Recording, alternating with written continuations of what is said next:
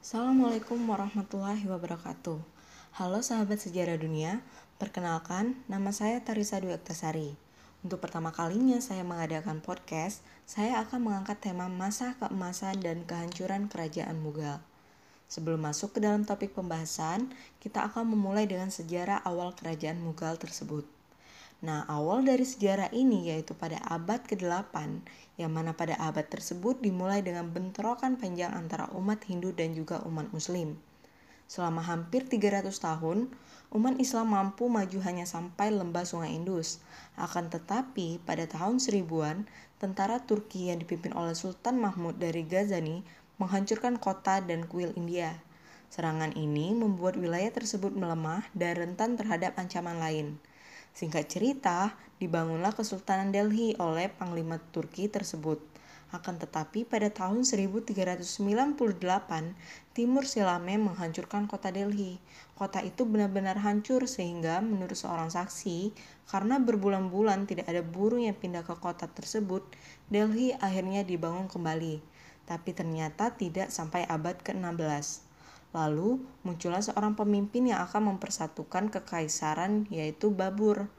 Babur merupakan seorang laki-laki berusia 11 tahun mendirikan kerajaan yang diwarisinya. Tetapi para tetuanya ingin mengambilnya kembali karena dianggap hanya sebagai kerajaan kecil. Akan tetapi Babur tidak tinggal diam. Dia menyapu ke India dan meletakkan fondasi untuk kekaisaran Mughal yang luas. Lalu pada tahun 1526, Babur berhasil memimpin 12.000 pasukan kemenangan melawan 100.000 tentara yang dipimpin oleh Sultan Delhi. Setahun kemudian, Babur juga mengalahkan pasukan Rajput secara besar-besaran. Setelah kematian Babur, kerajaan Mughal dipimpin oleh putranya yang bernama Humayun. Karena ketidakkompetenan Humayun, ia kehilangan sebagian besar wilayah yang telah diperoleh oleh Babur. Singkat cerita, akhirnya kerajaan Mughal itu diambil alih oleh cucunya Babur yang bernama Akbar. Ia memerintah kerajaan dengan kebijaksanaan dan toleransinya yang sangat baik. Seperti halnya Safawi dan Ottoman, Akbar melengkapi pasukannya dengan artileri berat. Meriam diaktifkan dia untuk masuk ke kota-kota bertembok dan memperluas aturannya ke banyak dataran tinggi. Dalam gerakan yang brilian, ia menunjuk beberapa Rajput sebagai perwira. Dengan cara ini, dia mengubah potensi lawan menjadi sekutu. Kombinasi dari kekuatan militer dan kebijaksanaan politik memungkinkan Akbar untuk menyatukan tanah di setidaknya 100 juta orang. Akbar adalah seorang jenius di pencampuran budaya seorang Islam.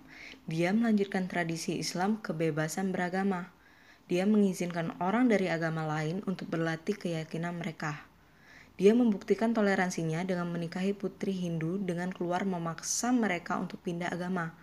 Dia mengizinkan istrinya untuk menjalankan ritual keagamaan mereka di istana. Dia membuktikan toleransinya dengan menghapus pajak pada peziarah Hindu dan jizya yang dibenci, atau pajak atas non-Muslim. Dia bahkan menunjuk seorang Yesuit Spanyol untuk mengajar putra keduanya. Saat Akbar memperluas kekaisaran Mughal, dia menyambut pengaruh dari banyak budaya di kekaisaran. Perpaduan budaya ini mempengaruhi seni, pendidikan, politik, dan juga bahasa. Persia adalah bahasa Akbar, pengadilan dan budaya tinggi. Orang biasa bagaimanapun berbicara bahasa Indi, bahasa yang berasal dari bahasa Sanskerta. Hindi tetap menjadi salah satu bahasa yang paling banyak digunakan di India. Selain seni dan sastra, Akbar juga mengabadikan dirinya pada arsitektur. Gaya yang dikembangkan di bawah pemerintahannya masih dikenal sebagai Akbar arsitektur periode. Strukturnya yang masih pasif, tapi anggun, yang dihiasi dengan batu rumit yang menggambarkan tema Hindu. Ibu kota Fatehpur Sikri adalah salah satu contoh terpenting dari jenis arsitektur ini. Akbar membangun kota baru pasir merah ini untuk berterima kasih kepada seorang suci sufi, Sheikh Salim Chisti, yang telah meramalkan kelahiran putra pertamanya. Singkat cerita lanjut ke penerus Akbar. Dengan kematian Akbar pada tahun 1605, kerajaan Mughal berubah untuk menangani perubahan tersebut. Tiga kaisar berikutnya masing-masing meninggalkan jejaknya di kekaisaran Mughal. Anak Jahangir dan Nur Jahan, Akbar menyebut dirinya Jahangir atau pengenggam dunia. Namun, untuk sebagian besar masa pemerintahannya, dia meninggalkan urusan kenegaraan kepada istrinya yang memerintah dengan tangan besi. Istri Jahangir adalah putri Persia Nur Jahan. Dia adalah seorang politikus yang brilian yang sangat memahami penggunaan kekuatan. Sebagai penguasa India yang sebenarnya, dia melantik ayahnya sebagai Perdana Menteri di pengadilan Mughal. Dia melihat putra Jahangir Khusrau sebagai tiketnya menuju kekuatan masa depan namun, saat Khusrau memberontak terhadap ayahnya, Nur Jahan menyingkirkan dia kemudian mengalihkan bantuannya kepada putra lain. Penolakan Khusrau ini berdampak lebih daripada masa depan politik kekaisaran. Itu juga menjadi dasar dari konflik agama yang panjang dan juga pahit. Jahangir mencoba berpromosi Islam di negara Mughal, tapi toleran terhadap agama lain. Saat Khusrau memberontak, dia beralih ke Sikh. Ini adalah kelompok agama non-kekerasan yang doktrinis, mengandung unsur-unsur yang mirip dengan Hinduisme dan Sufisme atau mistisisme Islam. Namun orang Sikh melihat diri mereka sebagai tradisi independen dan bukan cabang dari agama lain. Pemimpin mereka Guru Arjun melindungi Kusrau dan membelanya. Sebagai tanggapan, penguasa Mughal telah menangkap dan menyiksa Arjun sampai mati. Lalu, putra dan penerus dari Sajahan Jahangir yaitu Sajahan tidak dapat mentolerir persaingan ini dan ia mengamankan tahtanya dengan membunuh semua saingannya yang memungkinkan. Dia hebat dan bergairah untuk dua hal, yaitu bangunan indah dan istrinya Mumtaz Mahal. Singkat cerita, pada saat Sajahan sedang membangun taman, monumen, dan juga benteng, negaranya menderita. Terjadi kelaparan di negeri itu. Selanjutnya pertanian itu membutuhkan banyak alat, jalan, dan cara untuk mengairi tanaman. Mereka dan berurusan dengan India yang mana lingkungannya terkenal dengan lingkungan yang keras. Yang mereka dapatkan adalah pajak dan lebih banyak pajak untuk mendukung pembangunan monumen. Kehidupan yang boros, penguasaan mereka, dan juga perang.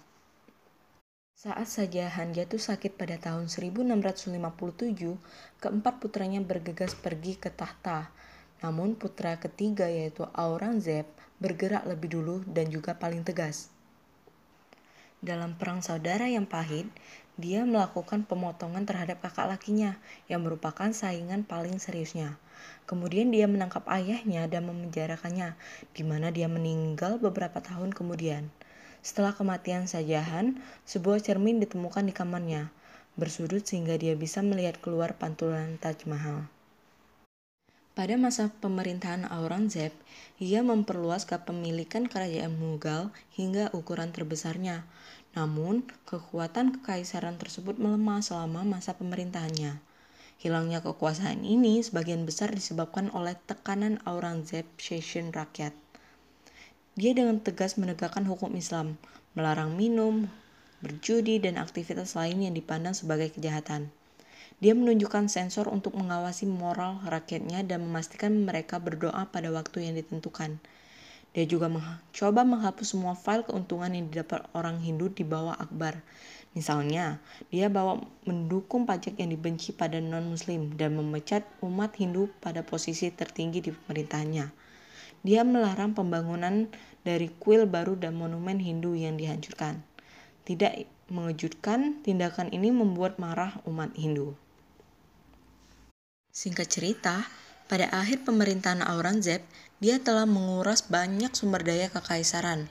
Lebih dari 2 juta orang tewas dalam kelaparan, sementara Aurangzeb itu sibuk pergi berperang. Kebanyakan rakyatnya merasa sedikit atau tidak ada kesetiaan padanya. Ketika kekuatan negara bagian pusat melemah, kekuatan penguasa lokal tumbuh. Setelah kematian Aurangzeb, putra-putranya bertempur dalam perang suksesi. Faktanya, tiga kaisar memerintah dalam 12 tahun pertama setelah Aurangzeb meninggal. Pada akhir periode ini, file Kaisar Mughal hanyalah boneka kaya raya. Dia memerintah bukan bersatu kerajaan, tetapi tambalan negara merdeka. Saat kerajaan Mughal bangkit dan jatuh, pedagang barat perlahan membangun kekuasaannya sendiri di wilayah tersebut. Portugis adalah orang Eropa pertama yang mencapai India. Pada faktanya, mereka tiba tepat sebelum Babur melakukannya. Berikutnya adalah Belanda yang memberi cara ke Prancis dan Inggris. Namun, Kaisar Mughal yang agung tidak pernah melakukannya. Ia merasa terancam oleh pedagang Eropa. Pada 1661, Aurangzeb menyerahkannya dengan santai pelabuhan Bombay tersebut. Aurangzeb sama sekali tidak tahu bahwa dia telah memberikan pengakuan berikutnya kepada India, mempertanyakan pijakan pertama mereka di kekaisaran masa depan sehingga hal tersebutlah menjadi tombak kehancuran dari kerajaan Mughal. Karena ketidakbijaksanaan Aurangzeb, kerajaan Mughal yang telah dibangun oleh Babur akhirnya tenggelam.